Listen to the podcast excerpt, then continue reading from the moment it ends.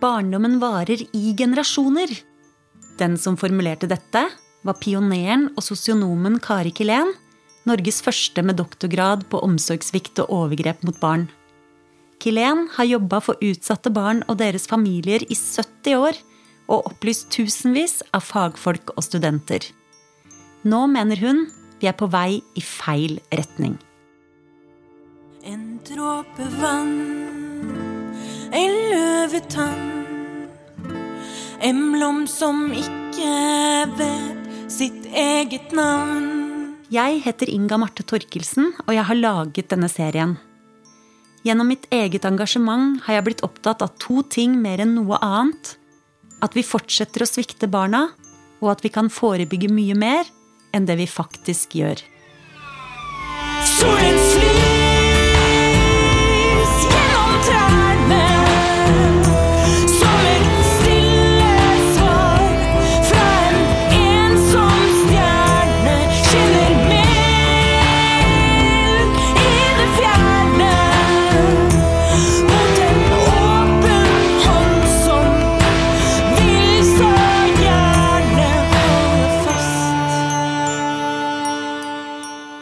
Kari Kilén har ofte sagt at det vi trenger for å forebygge og forhindre omsorgssvikt og overgrep mot barn, er kunnskap til å se og forstå, og mot til å handle. Gjennom de to neste episodene skal jeg intervjue ulike forskere og fagfolk som viser oss at kunnskapen, den finnes. Problemet er at mye av den ikke tas i bruk. I 2017 dokumenterte det regjeringsoppnevnte barnevoldsutvalget at mye av det Kari Kilén fant av svikt i systemene for mer enn 40 år siden, fortsatt gjør seg gjeldende. Jeg tar toget ned til Kristiansand for å intervjue lederen av dette utvalget, Ann-Kristin Olsen, som også har vært både politimester og fylkesmann gjennom en årrekke. Hva tenker du om at det går så lang tid før vi klarer å få gjort noe i dybden for disse barna, når det er så livstruende? Ja, vi eh, skriver faktisk i Svikt og svik akkurat det du sier. At det meste av det vi avdekket, det var kjent fra før. Det er eh, litt av utfordringen når det gjelder vold og omsorgssvikt og seksuelle overgrep. Man har visst, og man har altså faktisk et godt kunnskapsgrunnlag til å gjøre mer tidligere. Det var et eh, hovedpoeng i vår konklusjon at vi vet nok til å handle nå. Barnevoldsutvalget la fram sin offentlige utredning kalt Svikt og svik i 2017. Det var første gang noen på det nivået gikk inn i enkeltsaker der barn hadde vært utsatt for vold og seksuelle overgrep, for å finne mønstre. Sakene omfattet til sammen 57 barn, hvorav sju av dem døde. Ja, de viktigste funnene er egentlig at så mange etater hadde vært inne i så mange av de enkeltsakene vi så på, uten at noe var gjort. Eller at det som var gjort, var helt utilstrekkelig. Eh, omfanget av de sviktene, de systemsviktene vi fant, var det som var mest overraskende, og som egentlig eh, er mest skuffende. Og selv om vi var garvede på temaet vold, overgrep og omsorgssvikt, alle som var i utvalget, så ble vi veldig grepet, og vi ble veldig eh, berørt av at det var så mye, og at det burde vært sett før. Også fagfolkene som hadde vært involvert i sakene, var sterkt berørt, forteller Olsen. Å svikte barn er noe av det verste. Også for ansatte som kanskje verken har ressursene eller kompetansen som skal til for å kunne hjelpe. Allerede på 70-tallet brakte Kari Kilén kunnskap på banen som viste hvordan fagfolk ofte kan forholde seg til omsorgssvikt og overgrep mot barn. Hun kalte dem for fagfolks overlevelsesstrategier. Overidentifisering med foreldre og bagatellisering eller benektning var vanlig. Nei, den var vel eh, hvor lett vi hadde for å overidentifisere oss med foreldrene. Og det overrasket meg jo veldig, egentlig. Men øh, bagatelliseringen, den var også veldig uttalt. Benektningen var jo helt ekstrem uttalt hos oss. Helt ekstrem. Den totale benektningen. Den kunne liksom innebære alt til at øh, Jeg tror ikke et øyeblikk at det er han som kan ha gjort det der. Han er en så ordentlig mann, han der, at det kunne ikke ha falt ham inn. Ikke sant? En liksom sånn totale benektning. Kari Kilén sier hun tror det er blitt mindre av dette. Likevel skjer det fortsatt. I 2014 ble vi kjent med en sak gjennom mediene hvor fire unger på ulike vis forsøkte å si fra til voksne rundt seg. To av de fire barna gikk i barnehagen. En dag hadde fireåringen vært i slåsskamp, og en barnehagelærer grep inn. Dere vet at det ikke er lov til å slå i Norge, sa hun, og fikk til svar at pappa slår. Den eldre broren ga klar beskjed om at det der, det er en hemmelighet.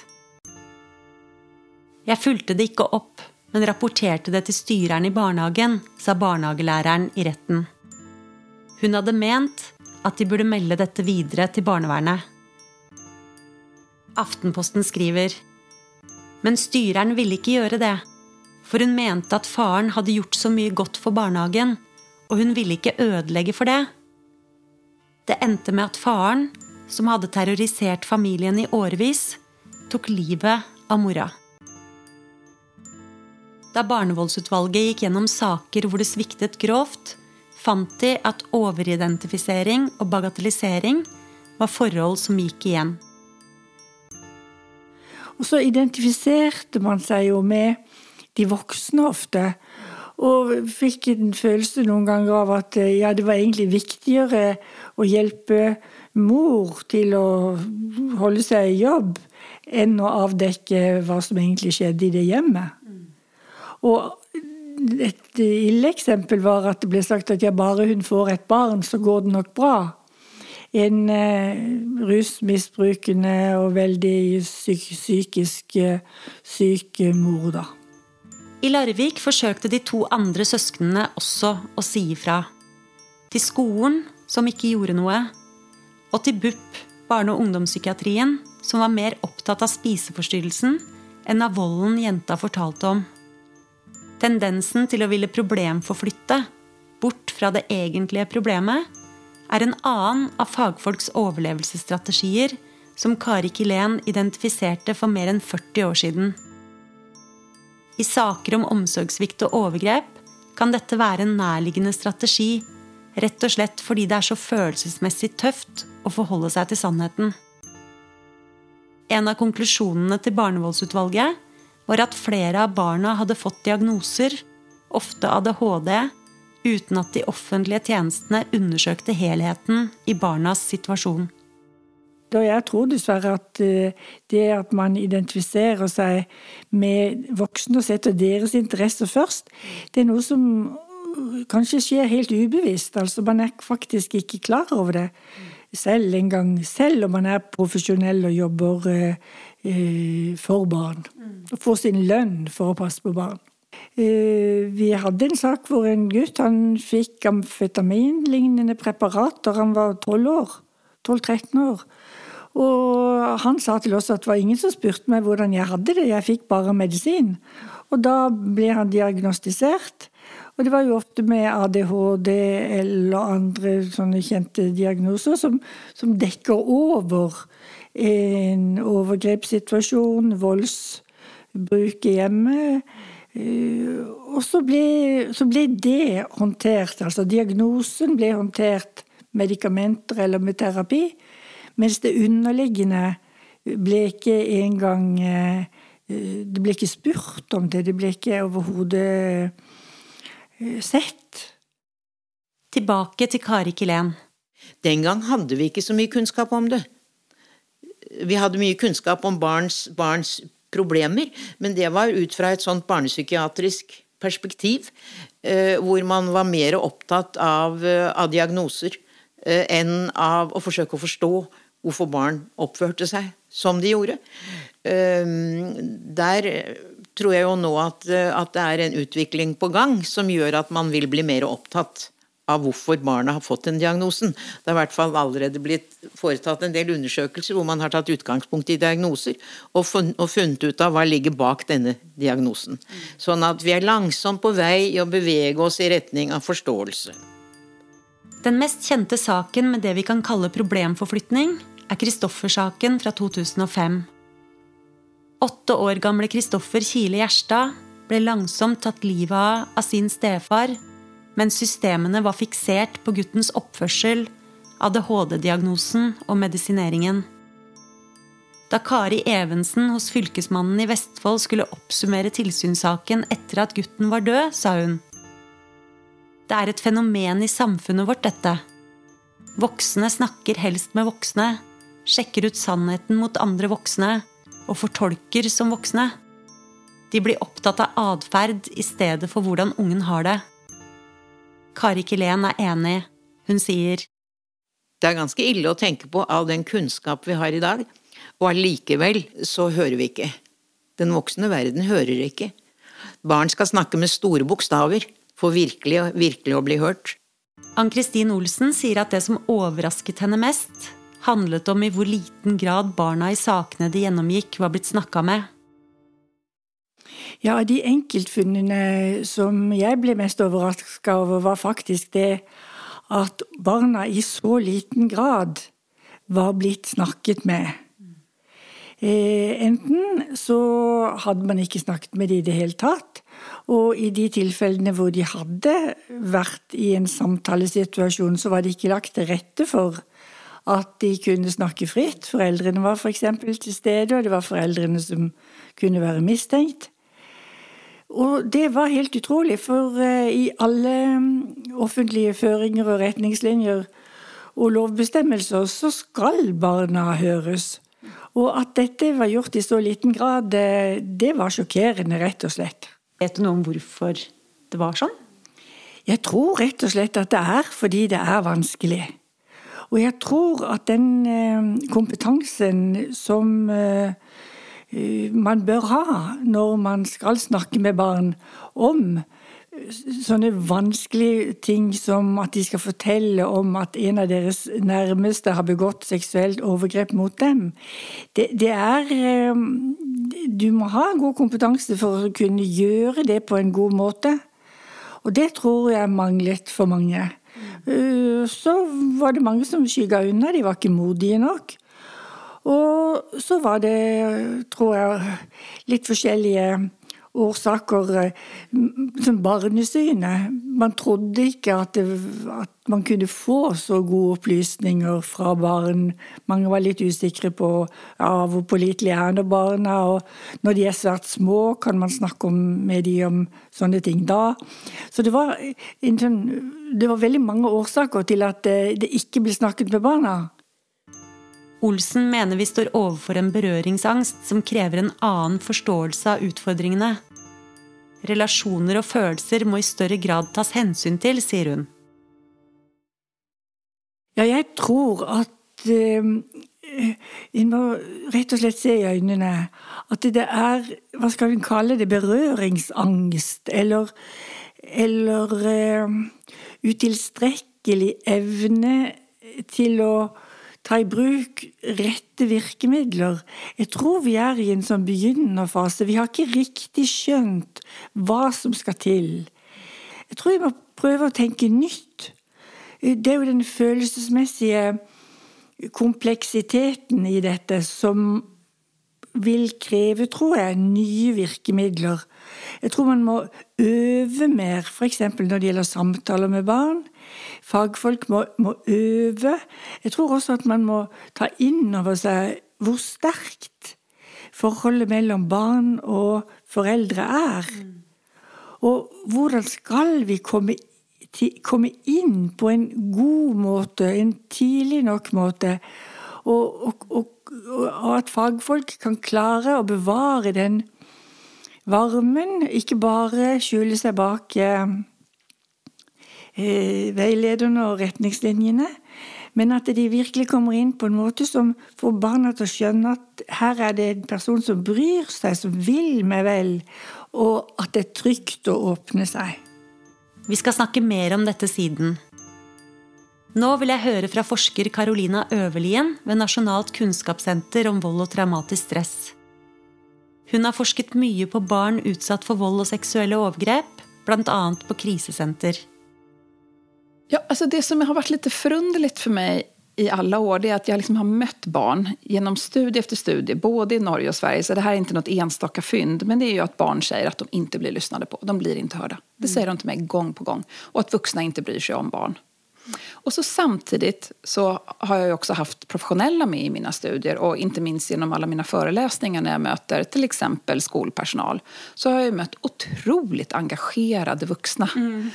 Liksom. Och skolpersonal, jag har ju skrivit en bok bara som är riktad mot skola och lärare. Eh, De är ju barnproffs faktiskt. De har gått en hel eh, universitetsutbildning bara fokuserad, fokuserad på barn. Liksom. Eh, Och jag har mött så många som, som, som verkligen vill väl och som verkligen vill göra gott och som tar det här på allra, allra största allvar. Så jag har liksom tänkt hur är det möjligt liksom, att, det, att det blir så här.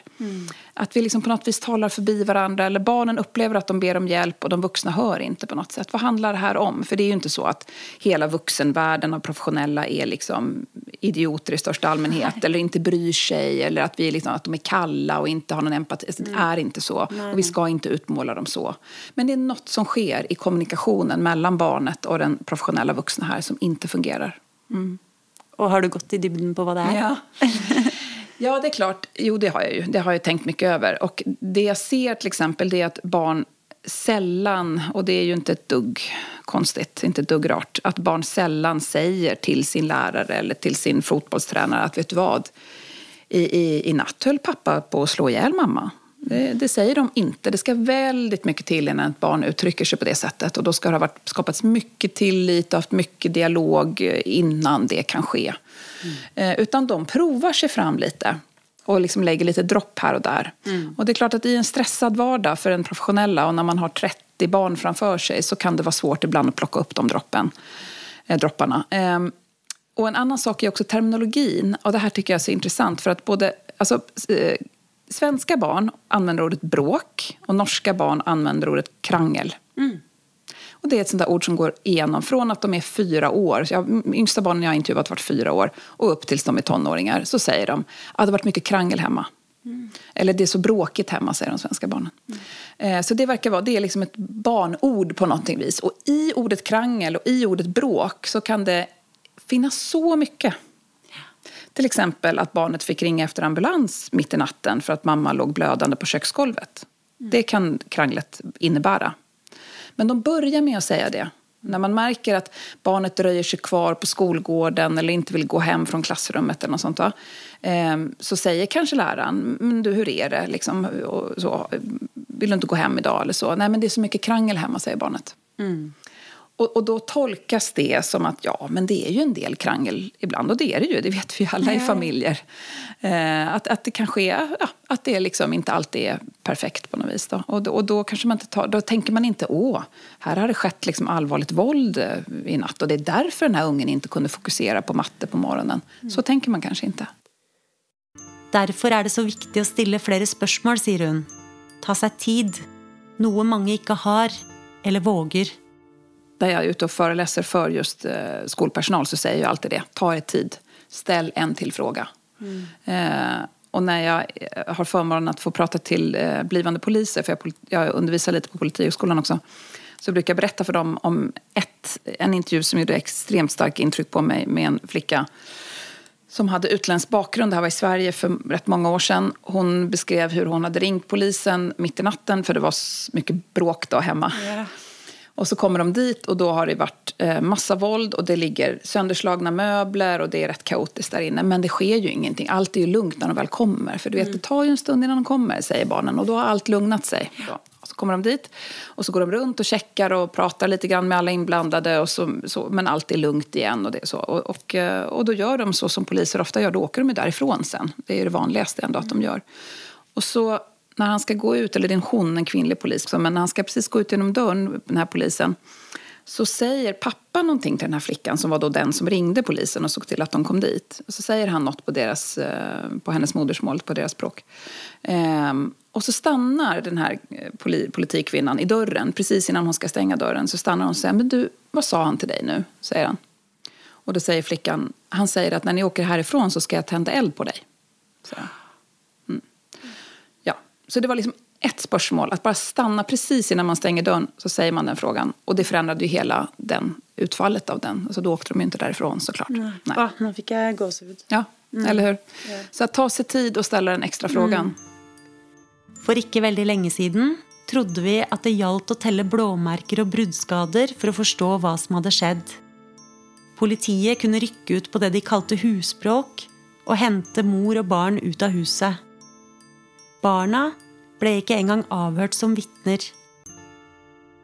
Da jeg som nyvalgt stortingsrepresentant i 2001 våkna av det jeg trodde var en fest hos naboen, fikk jeg se den gamle praksisen på nært hold.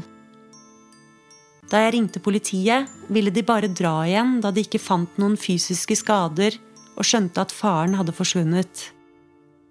Mor fikk beskjed om å komme til stasjonen dagen etter og anmelde. Etter mye fram og tilbake gikk de med på å ta henne med seg. Jeg passet jenta, og hun satte seg på fanget mitt. Tror du at mamma skal dø? spurte hun.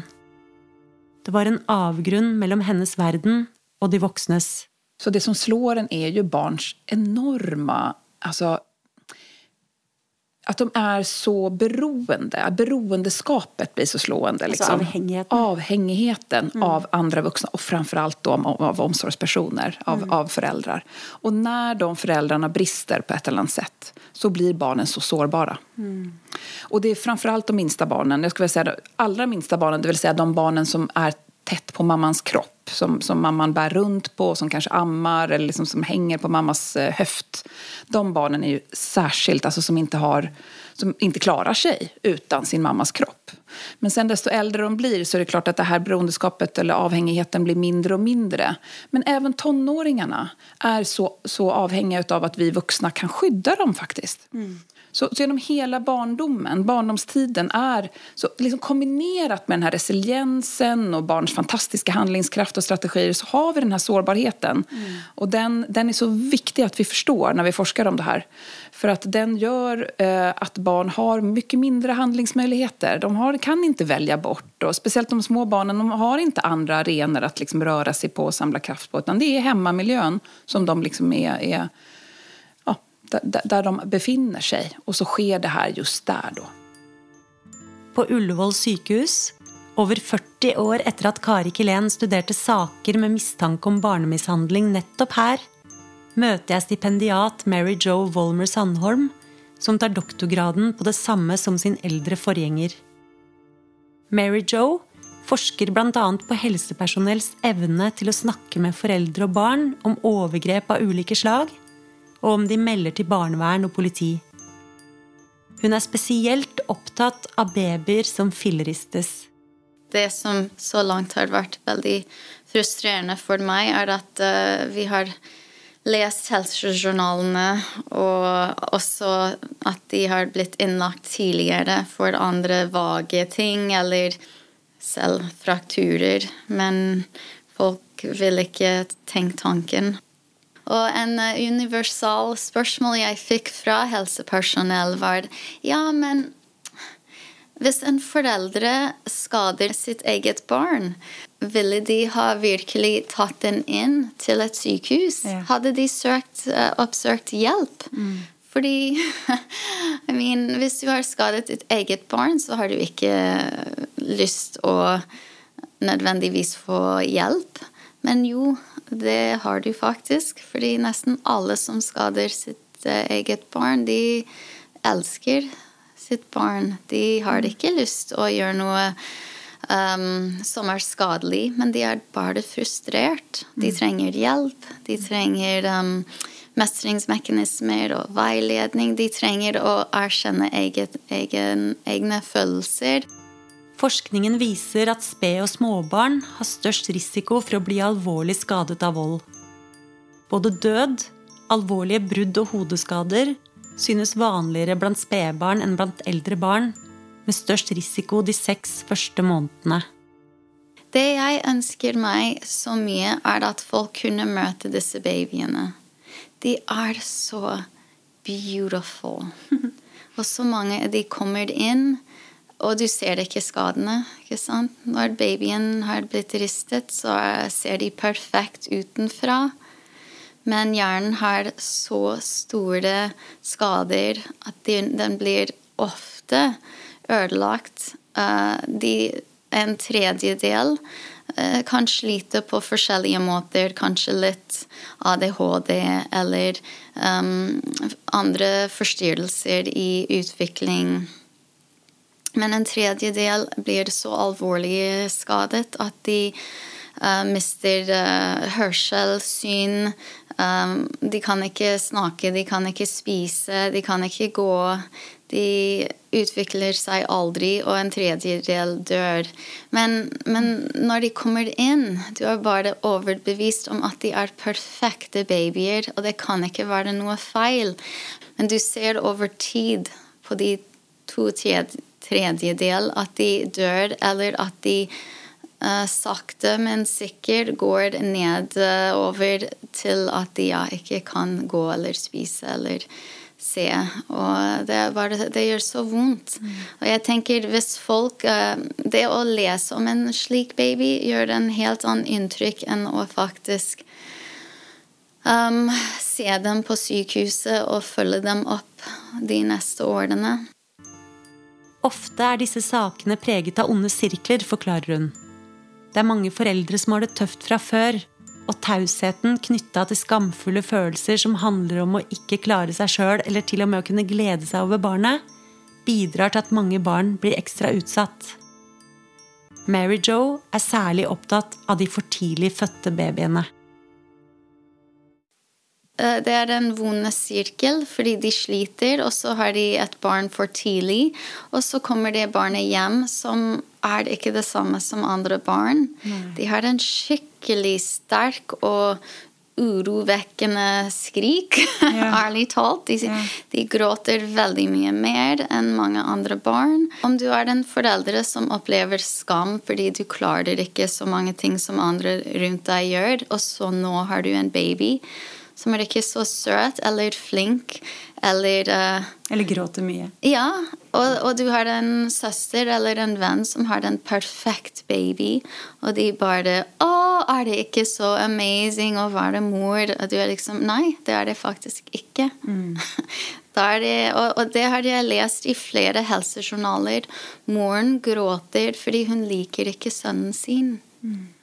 Og, og hun, har, hun, sliter gjennom mange liksom På videregående var det vanskelig, og hun er deprimert. Og så mm. kommer den babyen alvorlig skadet. Og da er vi virkelig overrasket. Hvordan skjedde dette? Nei, jeg tror det skjer mye mer ofte enn vi vet. Um, mange barn, foreldrene forteller oss at de uh, ristet barna sine flere ganger, for de var så alvorlig syke. Det var en studie fra North Carolina i USA hvor de spurte folk har du noen gang ristet dine barn. Det var mm. amazing hvor mange hadde. Jeg tror det burde vi uh, gjenta i Norge. I likhet med Kari Kilén er Mary Jo Wolmer Sandholm opptatt av at vi må møte familiene med åpenhet og innlevelse. For å kunne hjelpe må vi forstå den situasjonen foreldrene befinner seg i, sier hun. Hun sier at det først og fremst er viktig å forstå årsakene. Det er ikke å sette klistremerke på foreldre og si de er slemme folk, men det er å si at de sliter, og de trenger hjelp. Mm. Men vi må beskytte barn, mm. og vi må finne en måte å tidligere gripe inn. Så det er det jeg håper vi kan finne ut av. Når barn kommer inn med skader eller diffuse symptomer, så er det egentlig en stor mulighet til å gi hjelp tidlig, sier Mary Jo. Det er en stor mulighet til å faktisk ta tak i det som skjer hjemme med, med, blikk på det større bildet. Fordi i mange av disse situasjoner er det kanskje vold mot en mor eller mot en far samtidig, eller en annen søsken. Mm. Og derfor er det så viktig, og nesten ingen på min forskning gjorde dette, men snakke med begge foreldre hver for seg. Mm. Det er så skikkelig viktig at du tar en mor for seg selv og en far for uh, seg selv og sier Hei, fortell. Hvordan går det hjemme? Mm. Og, og kanskje å sette rammer rundt at det er mange som sliter. Dere står ikke alene. Det er mange som vil hjelpe dere, men vi trenger å vite hva som skjer. Men det vi fant ut, var at de følte seg ikke trygge ved å snakke med barn og foreldre om barnemishandling. Blant uh, barneleger var 67% følte seg trygg ved å snakke med foreldre, og 55 med barn. Så halvparten omtrent av barneleger føler seg trygge. Um, når det gjelder andre leger, var det 13% Som følte seg trygge? Ja. Mm. Når det gjelder sykepleiere, det, det, må jeg si var veldig skuffende. 19% følte seg trygge ved å snakke med foreldre om mishandling eller omsorgssvikt. Og så 28% var komfortabel ved å snakke med et barn om barnemishandling eller overgrep. Hun fortsetter. I studien min, uh, den første artikkel, uh, brukte jeg en sak hvor en ti uker gammel baby kommer inn på sykehuset midt på natten, har blod fra munnen, og de finner en uh, avrevet leppebånd. Pluss noen liten liksom, flekker eller scratches på ansiktet. Og de aner ikke hva som har skjedd. Ingenting. Ja, han bare våknet slik. Så vi spurte helsepersonell er du bekymret for vold. Og det var ganske mange som var bekymret. Men det var ikke så mange som ville melde. Og det var utrolig mye uenighet om hvordan de ville behandle pasienten. Helsepersonell vil ofte ikke melde, forteller hun. Det jeg, funnet, jeg, har funnet ut, er at folk vil melde verken til politiet eller barnevernstjenesten. De er mye mer ivrige til å melde til barnevernstjenesten, men likevel F.eks. med en ti uker gammel baby. Det var 80-90% av folk som var eh, bekymret. Men det var 22% som ville melde til politiet. Og så var det litt over 50, hvis jeg husker riktig, som ville melde til barnevernstjenesten. Uh, når du spør, stiller spørsmålet hvorfor, er det veldig mange svar. Men egentlig det er en følelse av at vi er kanskje ikke alle sammen på samme laget. Mm. At mange mener at det gjør det vanskeligere for en familie å bli meldt. Mm. At de er det ikke virkelig Behovene til barnet er det ikke skikkelig ivaretatt. Mm. Og, og, så måtte jeg da selv tenke meg litt gjennom hvordan fungerer systemet i dag? Ja. Er det til hjelp? Hun drømmer om en felles plattform for alle systemene med utgangspunkt i traumeforståelse. Hvorfor kan vi ikke lage et system hvor alle har jevnlige møter?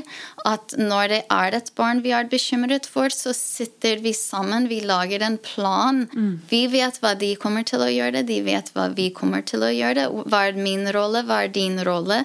Politiet tar det på alvor og lager en team.